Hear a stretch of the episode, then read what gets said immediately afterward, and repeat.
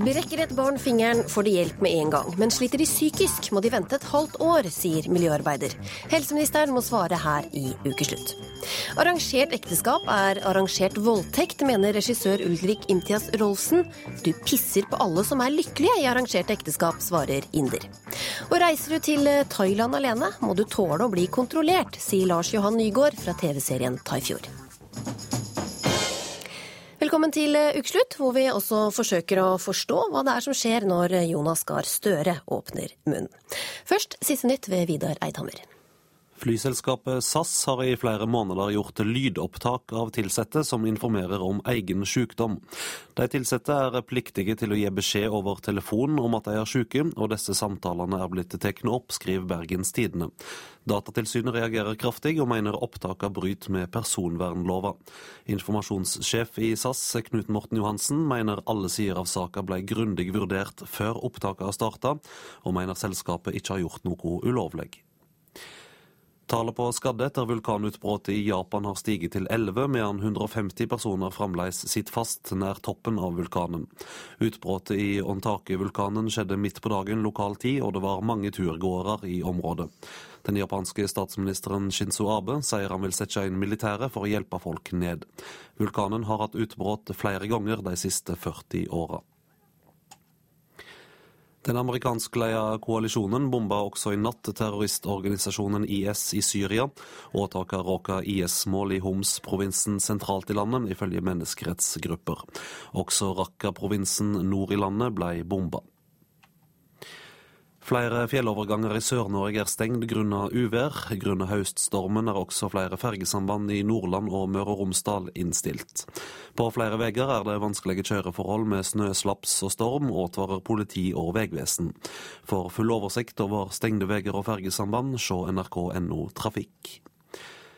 Kommunene mangler et lågterskeltilbud til barn og unge som sliter psykisk. Det blir det mer om i ukeslutt nå, med Linn Beate Gabrielsen. Ja, for rundt 150 000 barn og unge mellom 3 og 18 år har symptomer som angst, depresjon og atferdsforstyrrelser. Rundt halvparten av disse igjen tilfredsstiller kravene til en psykiatrisk diagnose og har behov for behandling, ifølge Folkehelseinstituttet. Men kommunene har altså ikke noe lavterskeltilbud til dem. Hvordan går det i dag? Bra. Går det bra? Ja. Hva er det du driver med? Har du fått frisbee oppe her nå, eller? Nei. Har du ikke kasta? Nei. Jeg har kasta litt. Du har kastet litt. Yes, nei, det er bra. Ja. Vi snakkes videre, da. Ja. Jeg snakka med faren din i går, vet du. Ja. Den avtalen vi har om vi skal ta det etter høstferien. Ivar Ødegård er miljøarbeider ved Nordre Modum ungdomsskole. Hans jobb er å vise litt ekstra omsorg for dem som ikke har det så lett. Han trenger litt oppfølging, han blir sett litt. Altså. det å sette krav og finne balansen. Ja. Skal vi gå på kontoret mitt, kanskje? da? Ja. Gjennom 14 år har barn åpnet seg for Ødegård på dette kontoret. Altså, det er jo angst eh, mange strever med i forhold til prestasjoner på skolen. Og angst i forhold til om man er bra nok som man er. Folk som strever med selvbilde, som strever med selvskading. Eh, eh, spiseforstyrrelser. Eh, tvang. Tvangshandlinger. Tvangstanker. Ja. Så det er veldig sånn vidt spekter, egentlig. Ikke alle trenger like mye hjelp. Men Ødegård forteller at de hvert år henviser flere av elevene til barne- og ungdomspsykiatrisk poliklinikk, eller BUP. Vi formidler jo ungdom dit eh, mange ganger i året. Behovet er helt klart der. Eh, I Modum kommune så er det et eh, forsøksprosjekt med Modum Bad i forhold til rask psykisk helsehjelp for de over 18 år. Og det har funka veldig bra. Jeg skulle ønske det var noe for den ungdomsgruppa, og også de under 18 år. For tilfellet er i dag da, at man da må gå via fastlegen eller via helsestasjon for ungdom, og så eh, må man melde seg opp til barne- og ungdomspsykiatrisk på Ringerike eller Drammen, altså BUP. Eh, Og da tar det, er det ofte lang ventetid.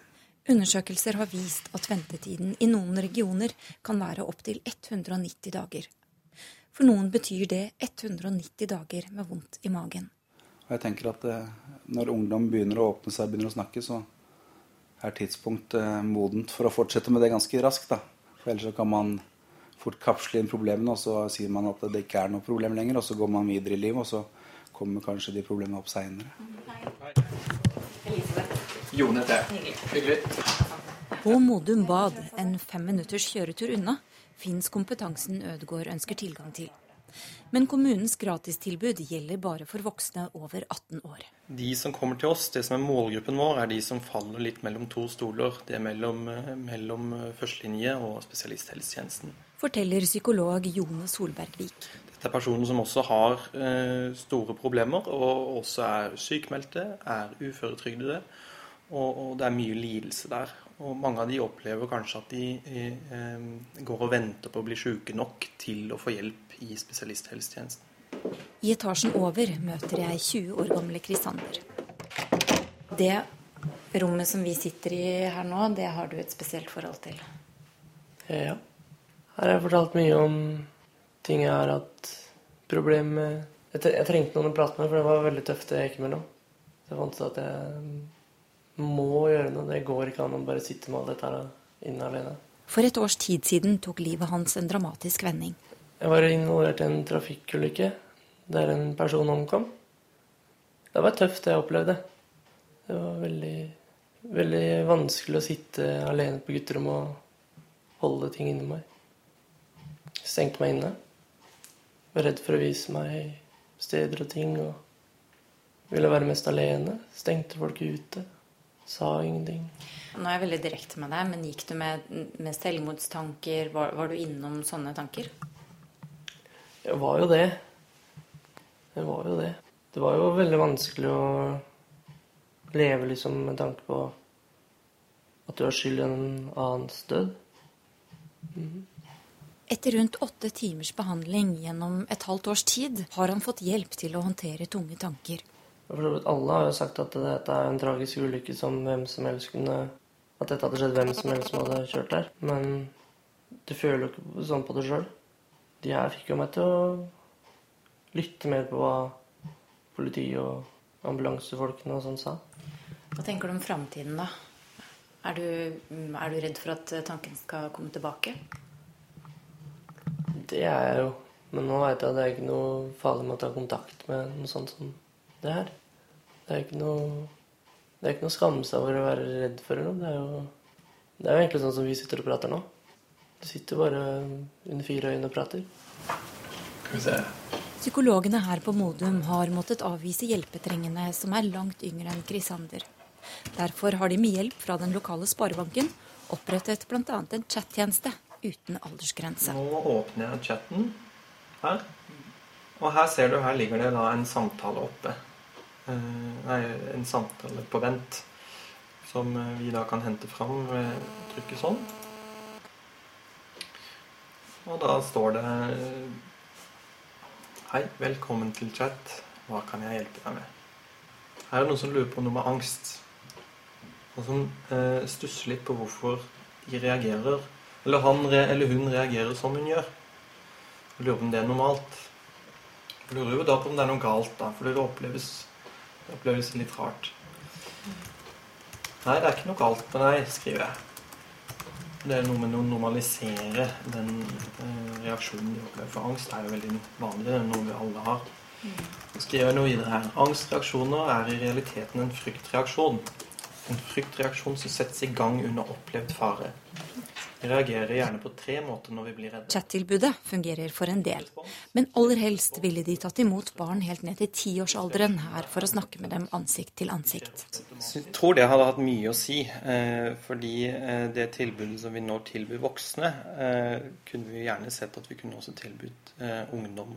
Nettopp for å kunne få litt hjelp, som er mye bedre enn ingen hjelp. Hallo? Nei. Det er slutt på tivoli, slutt på tivoli nå i pausa. Hæ?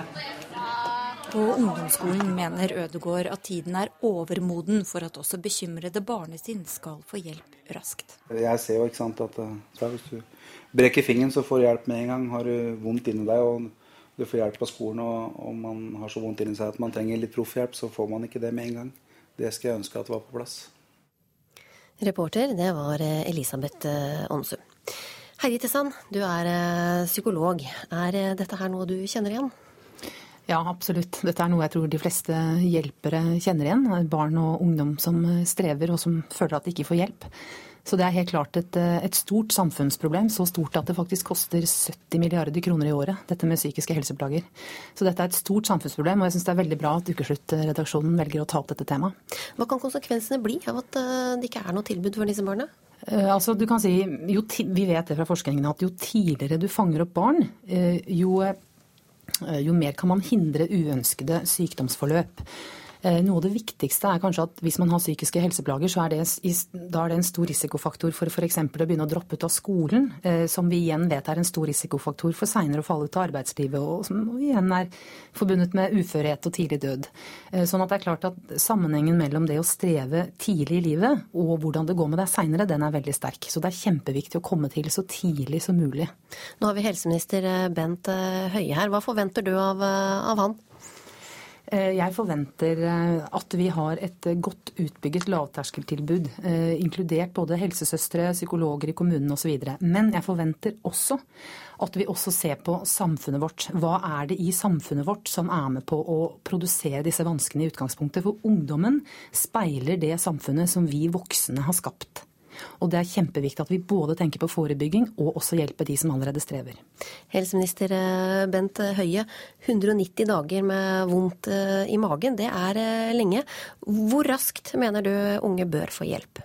Nei, Unge bør få raskt hjelp, og de bør få hjelp før de blir så syke at de må henvises til barne- og ungdomspsykiatrien i spesialisthelsetjenesten. og Derfor er jeg helt enig i at hovedløsningen på det å hjelpe de som er blitt syke, er, eller i ferd med å bli det, det er å bygge ut et godt eh, lavterskeltilbud. Og Det er òg eh, grunnen til at eh, det har prioritert med det budsjettet vi har nå. Men vi har òg sagt at vi til neste år kommer til å bruke 200 millioner kroner til kommunene for å bygge ut bedre helsesøstertilbud i kommunene. For det er ofte det som er den første delen av helsetjenesten som barn og unge sjøl tar kontakt med.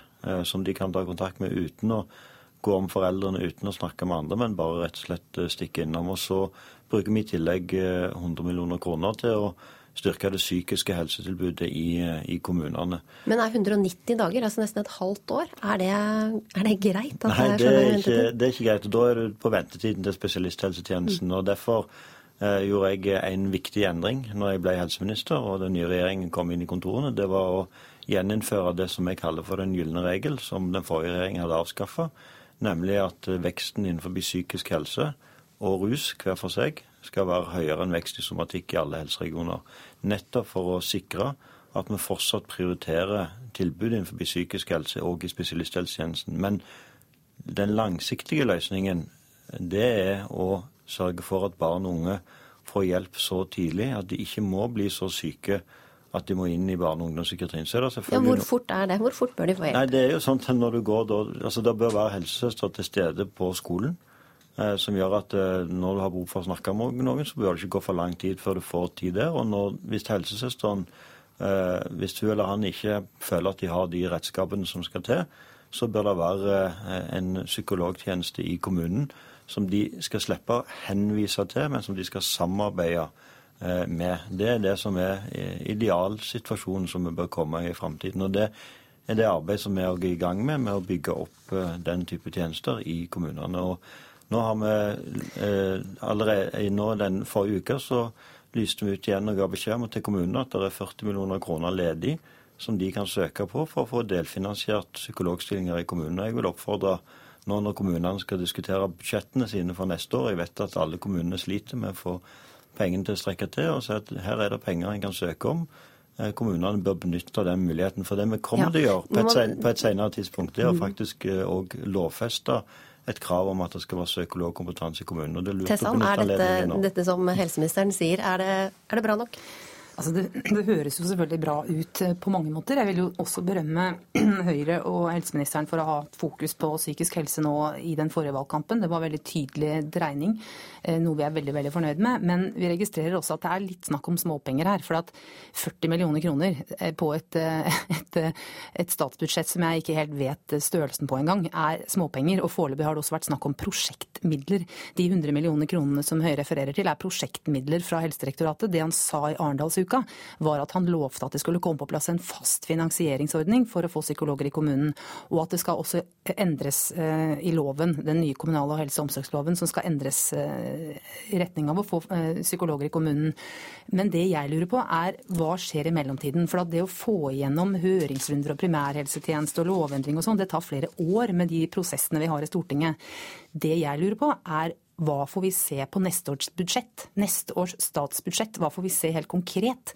For det er faktisk kjempestore mangler. Altså. Det, er ikke snakk om, altså det er snakk om at i, i Norge så er det bare 30% av kommunene som har psykologtilbud i det hele tatt. Så det er altså postnummeret ditt som avgjør om du får profesjonell hjelp eller ikke. Og, og, og, sånn at Jeg hører at han sier det, og det er kjempebra, men jeg lurer på når er det vi får se de pengene? Og når er det vi får se de lavterskeltilbudene som det snakkes så mye om? Det har jeg lyst til å høre. Hva har du å gi på statsbudsjettet i år? Ja? Hva som kommer i statsbudsjettet i år, det kan jeg selvfølgelig ikke si noe om før statsbudsjettet er lagt fram. Utover det som jeg faktisk allerede har sagt, og som òg regjeringen har sagt, nemlig det som kommer til kommunene til dette. Eh, og det er da eh, til sammen 300 millioner kroner, og det er ikke små penger. Men Kommer det, det noen faste overføringer? Ja, altså det, det, er penger som kommer til kommunene, og de kommer til de kommunene som har flest ungdommer, nettopp for at de skal bruke det til dette. Eh, og det er penger som eh, vil føre til at det blir ansatt flere helsesøstre og flere psykologer og andre som kan jobbe med psykisk helse. Og, så og det er det som vi gjør nå. Eh, og så har vi jo bevilga 100 millioner kroner i år til psykologer i kommunen. 40 av de står tilgjengelig. Det har vi hørt. Men denne lovendringen kommer til å ta også litt tid. Hva skal de som, de som har problemer nå gjøre mens vi venter på alle disse endringene? Det som er viktig nå, det er at eh, kommunene bruker de pengene som vi har bevilga nå. For det er det som er oppbyggingen. Og så eh, skal vi eh, om ikke veldig lenge sende òg på høring forslag til ny lov som krever at det er psykologkompetanse i kommunen. Og så skal vi òg neste år legge fram en stortingsmelding om primærhelsetjenesten.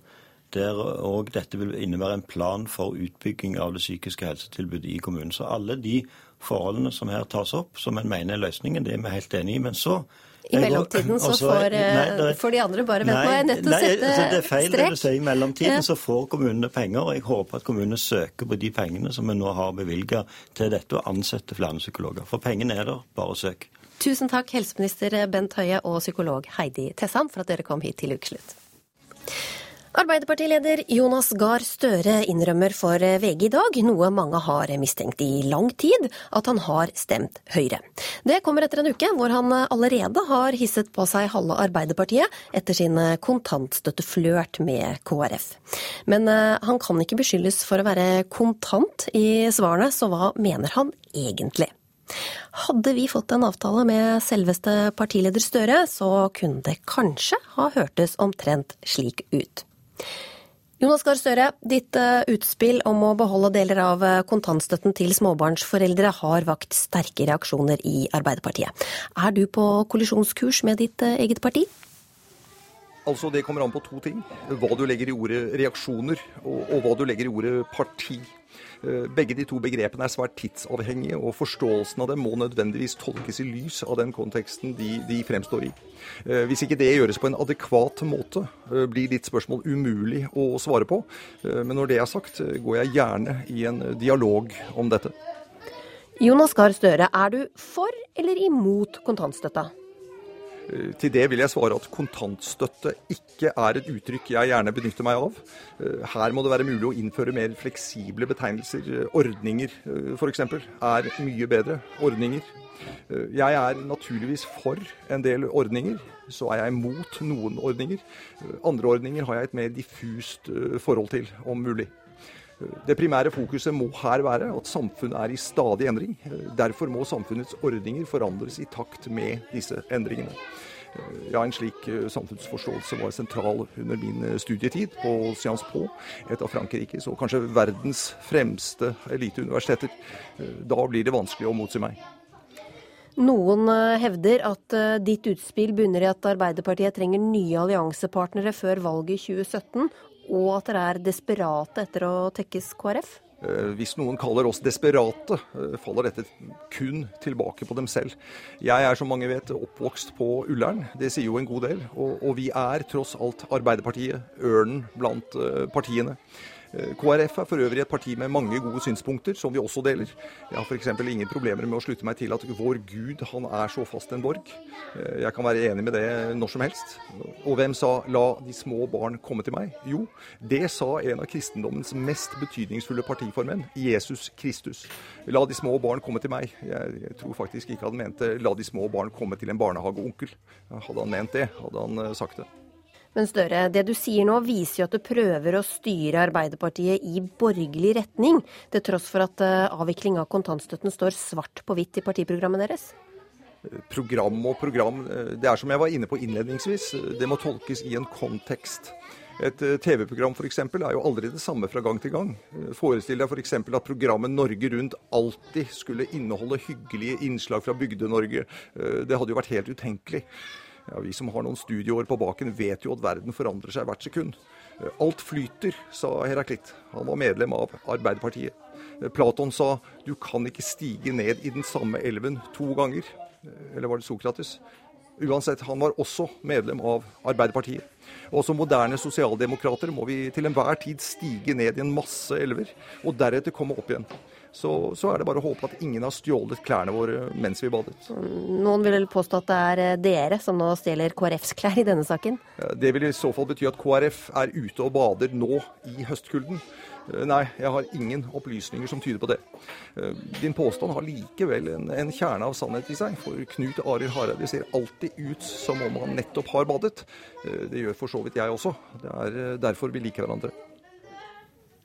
Jeg vet ikke om vi ble noe klokere av Jonas Gahr Støre. Tusen takk til Geir Atle Johnsen som tok rollen som Støre, og til tekstfatter Dagfinn Nordbø.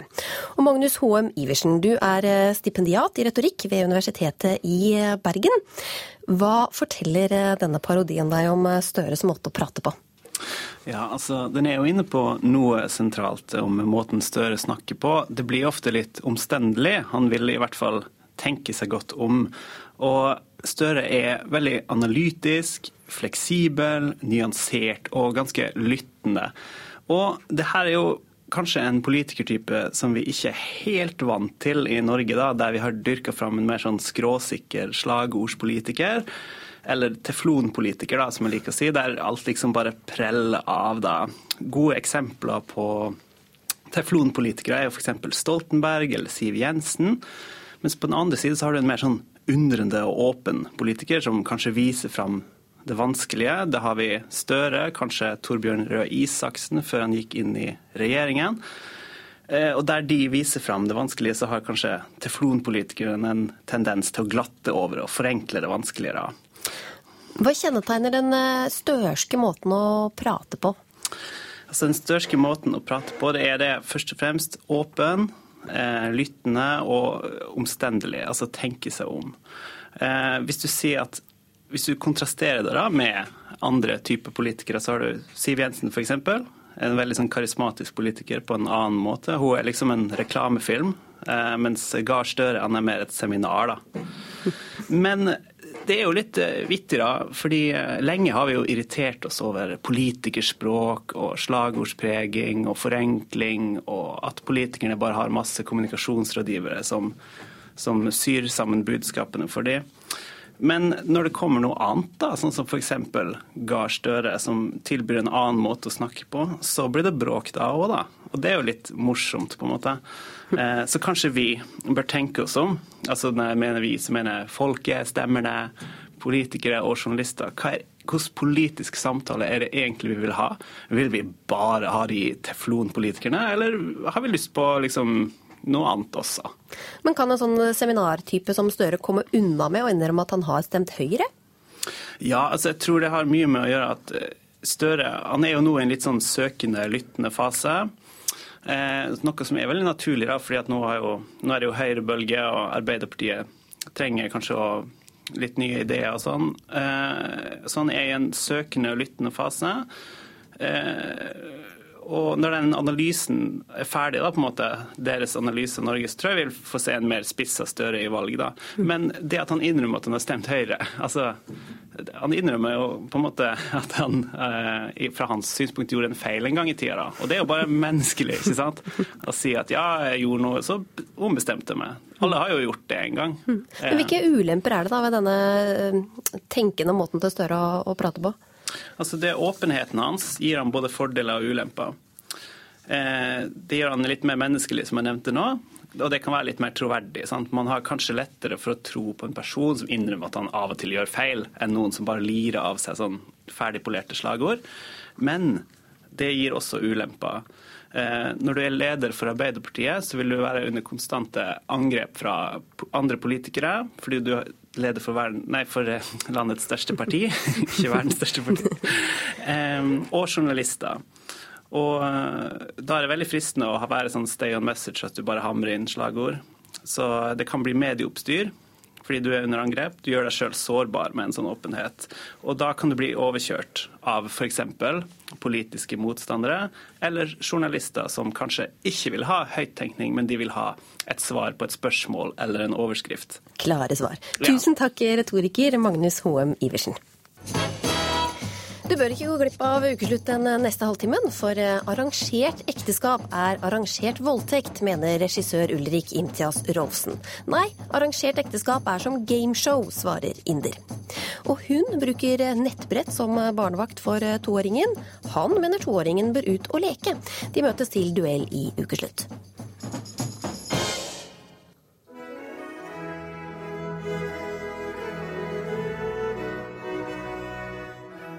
Arrangert ekteskap er bra, egentlig.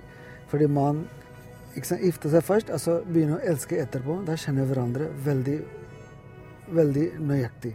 I norsk eh, kultur så er man jo opptatt av det der med å bli forelska, og så inngå et forhold. Nei, her er det omvendt. Gifte seg først og forelske etterpå. og den fungerer bra. Jeg, jeg har vært gift 20 år, har ikke noe problem.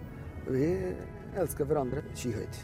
Hvor mange kjenner du som er gift og arrangert? Jeg kjenner over 99% som har ekteskap, eller de lever sammen siden de gifta seg. Arrangert. Så de, de lever veldig bra. Det er de fleste du kjenner? Ja, de fleste jeg kjenner.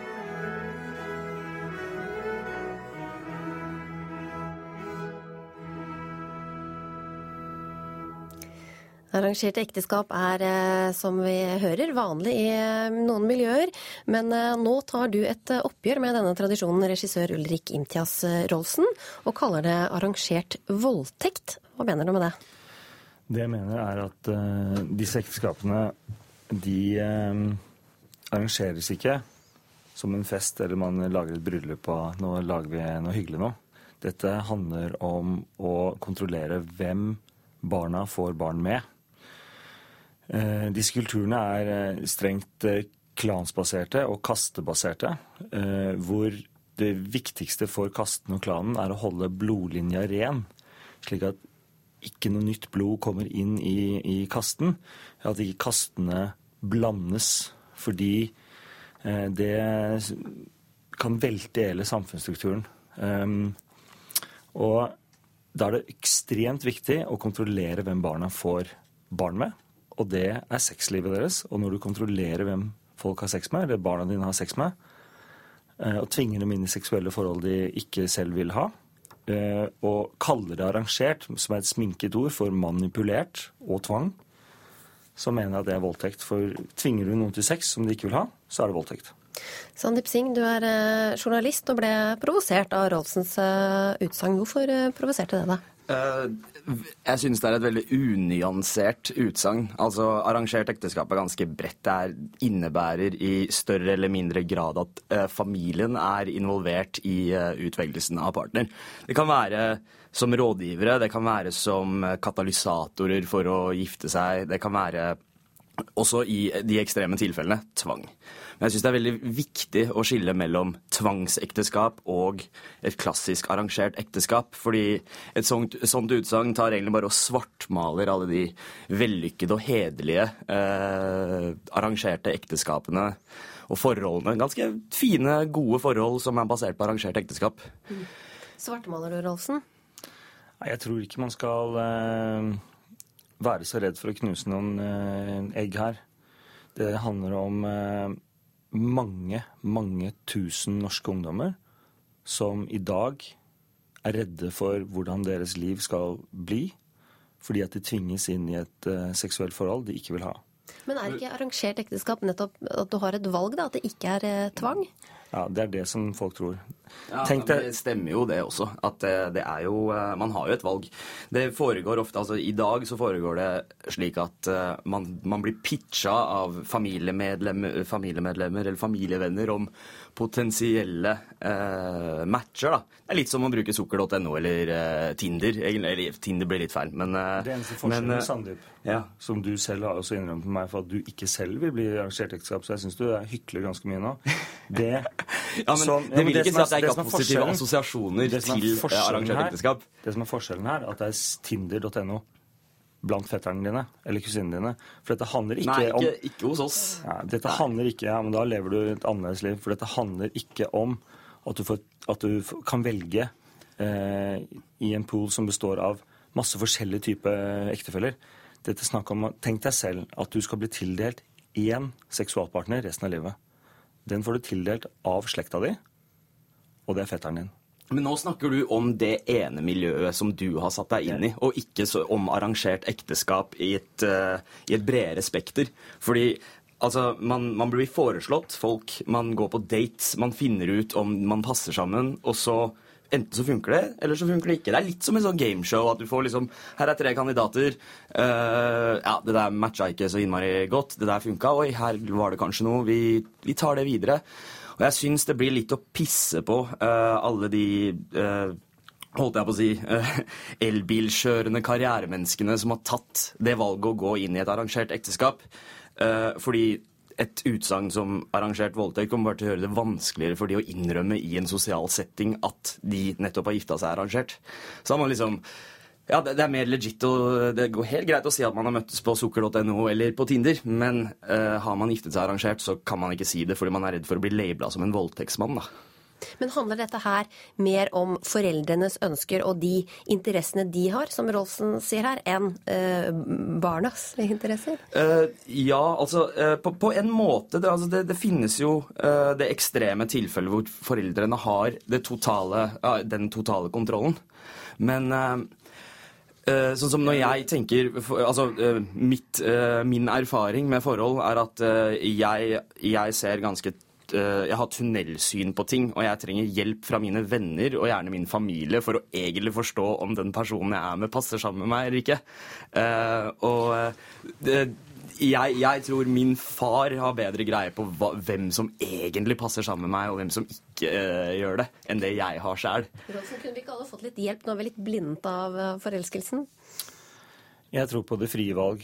Og jeg eh, møter ekstremt mange ungdommer som lever i dette livet her. Når jeg holder foredrag på østkantskoler, som jeg gjør i Oslo, på videregående skole, hvor det er 80-95% innvandrerelever, så spør jeg hvor mange av dere er norske?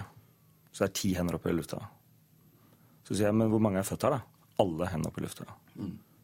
Hvor mange er norske statsborgere? Alle hendene oppe i lufta.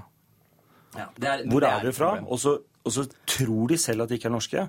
Og når de ikke tror de er norske, så tror de heller ikke at de kan ta del i den friheten som vi har i Norge. Og så blir de manipulert til å tro at de må gjøre som foreldrene. De tror de er marokkanske, selv om de er født i Norge og kommer til å dø i Norge. Men, men det, det der er et helt annet spørsmål, men det er en veldig interessant det- sak. fordi det er litt fordi vi, vi får liksom det der valget servert. og Ok, Enten så er du norsk, eller så er du inder eller pakistaner eller marokkaner eller whatever. Jeg er begge deler. Jeg er Ja, både men du- indisk, jeg er Men både kan du da Ikke velge sant? som om du er eh, nordmann? Har du like fritt valg? Um, i, altså når det kommer til eh, ekteskap? Mm. Uh, ja, uh, i veldig stor grad. Nå har jo eh, broren min giftet seg arrangert. Foreldrene mine kommer fra et arrangert ekteskap. Det var jo way back. Men, men jeg har aldri hatt noe sånn særlig press. Det er liksom sånn derre Litt sånn albuer på fester, eh, familiefester. Bare er det ikke på tide at du gifter deg snart? Det, sånn, har jo Ulrik også tatt opp i filmene sine. Det er et ganske vanlig spørsmål å få i, eh, i sosiale settinger. Men det har aldri vært noe sånn eh, De vil helst at jeg skal gifte meg med en indisk jente. Men det, det er ganske sykt, skjønner du. At når foreldrene bestemmer hvem du skal ligge med, og ønsker å kontrollere hvem du skal ligge med, som egentlig dette ekteskapet handler om, for du får bare den ene sexpartneren resten av livet, så, så syns jeg det er mye drøyere enn å sminke det opp og si arrangert ekteskap. Dette, dette handler om kontroll av sexlivet til unge norske mennesker som ikke er i stand til å Eller ikke får lov til å velge selv, ikke tror at de kan velge selv, som andre nordmenn som er født her i Norge. Og de manipuleres utrolig hardt til å ja, til, til, å ta dette valget. Men du er ikke ute og provoserer nå, da, bare for å promotere din nye film 'Haram'? Nei, vet du hva. Jeg promoterte min nye film 'Haram', og så nevnte jeg dette i en bisetning, og så dro pressen dette opp stort. Så dere jeg tipper at du vet ganske godt hva vi, hva Nei, vi drar om. Jeg, sagt jeg, jeg, si, jeg er nødt til å si tusen takk ja. til uh, både Man snakker bare om det når det er kjipe ting med det, men man snakker aldri om de gode tinga. Mm. Det Tusen takk, Sandeep Singh og Ulrik Imtias Rolfsen. I forrige uke ble norske menn som kom alene fra Thailand, tatt til side av politiet i en internasjonal aksjon mot overgrep mot barn. Flere hevdet dette var stigmatisering av menn som reiser til Thailand. Ukeslutts reporter Ingvild Edvardsen dro til Gardermoen for å høre hvordan enslige Thailand-reisende opplever dette. Thai Airways rute TG 954 fra Bangkok har akkurat landet på Gardermoen. Klokken er halv åtte på morgenen, og ut av passkontrollen kommer passasjerene. Sett bort fra de asiatiske turistene er de fleste som haster forbi meg, norske menn med store kofferter og lyseblå taxfree-poser. Det har vært eh, pleasure i mitt tilfelle. Jeg har besøkt eh, kjente i, eh, på Filippinene. Jeg har vært i Hongkong. På ferie? Eh, ja, det er en kombinasjon. Ferie og, og litt, uh, litt, jobb. Å bli stanset av NRK tidlig på morgenkvisten kan være ille nok. Men det er nok å foretrekke sammenlignet med det enkelte reisende fra Bangkok var igjennom ved passkontrollen i forrige uke.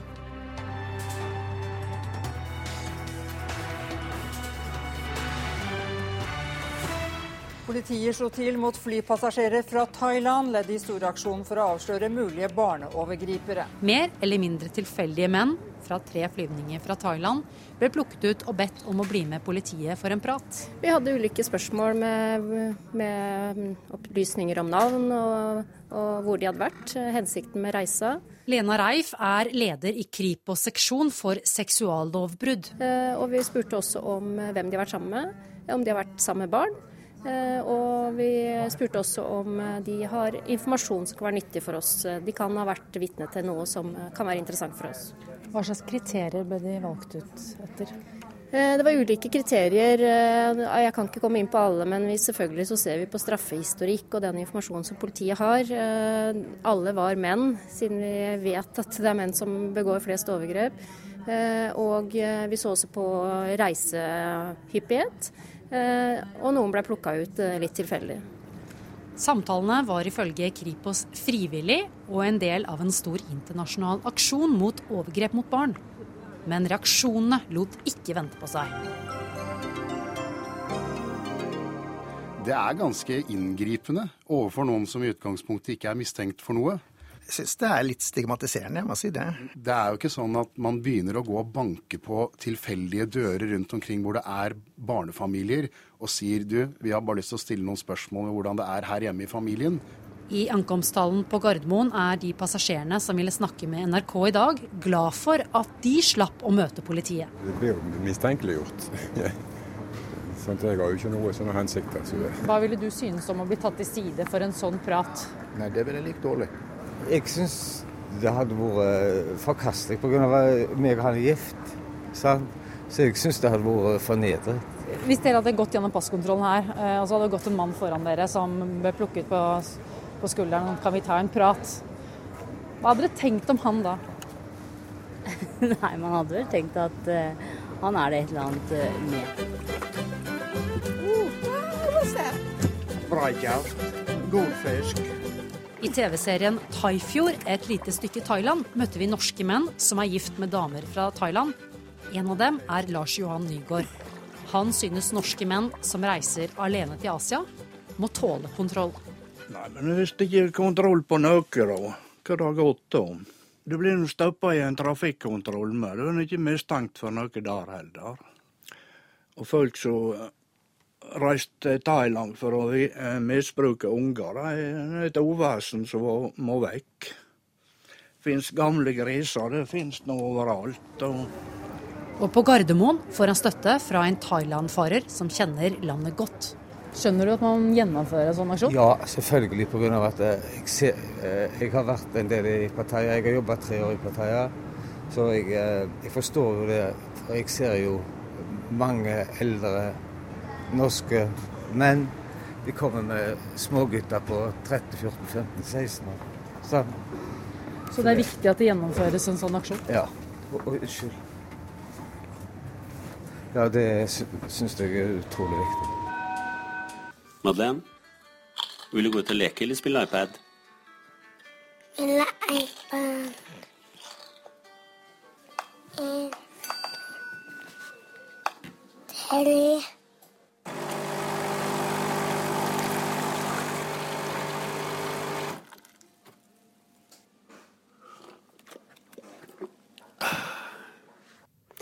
Livet blir litt lettere for oss foreldre når barna sitter og koser seg med nettbrettet. Og Aftenpostens kommentator Cecilie Asker kjøpte nettbrett til toåringen som en kjærkommen barnevakt tre timer på lørdag. Og reaksjonene lot ikke vente på seg, Cecilie Asker. Hvordan lar du toåringen bruke nettbrettet? Eh, kommentaren var jo litt satt på spissen. Eh, jeg skrev at jeg brukte nettbrett som barnevakt. Eh, det førte jo til at mange trodde at jeg lå og sov, f.eks. Mens barnet fikk lov til å utfolde seg fritt på nettbrettet.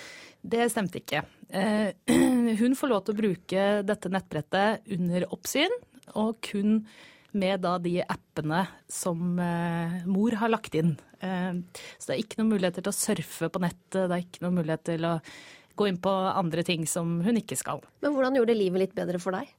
Eh, Det gjorde jo livet litt enklere, fordi at da slapp jeg å få masse syltetøy og riper og snørr på min iPad. Eh, Og det at hun da noen ganger kan bruke den iPaden ikke bare som et, sånn, eh, som en, som et medium for å se f.eks. barne-TV, men også faktisk til, til eh, litt mer sånn lærerike eh, apper. Eh, Og hun har bl.a. lært seg å telle til ti ved å bruke en app. Simen Tvetereid, du er redaktør av magasinet Harvest. Hva syns du om at Cecilie Aske lar toåringen bruke nettbrett?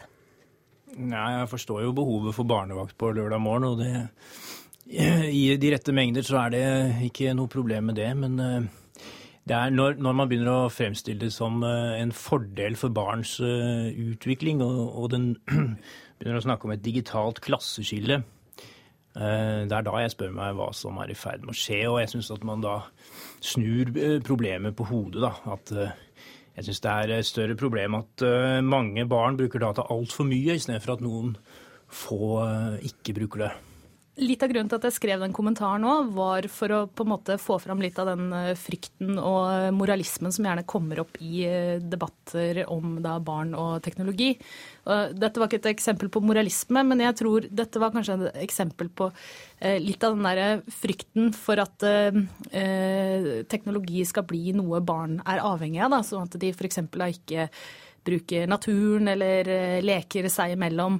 Og det tror jeg er litt feil. Nettbrett. eh, Vi ser at eh, der man da kanskje med TV og eh, eh, spillkonsoller og sånn på 80- og 90-tallet var veldig redd for at barn eh, skulle bli avhengig av det, så ser vi at nettbrett brukes nå mer og mer i, til læring og kommunikasjon, og, eh, og ikke bare da underholdning.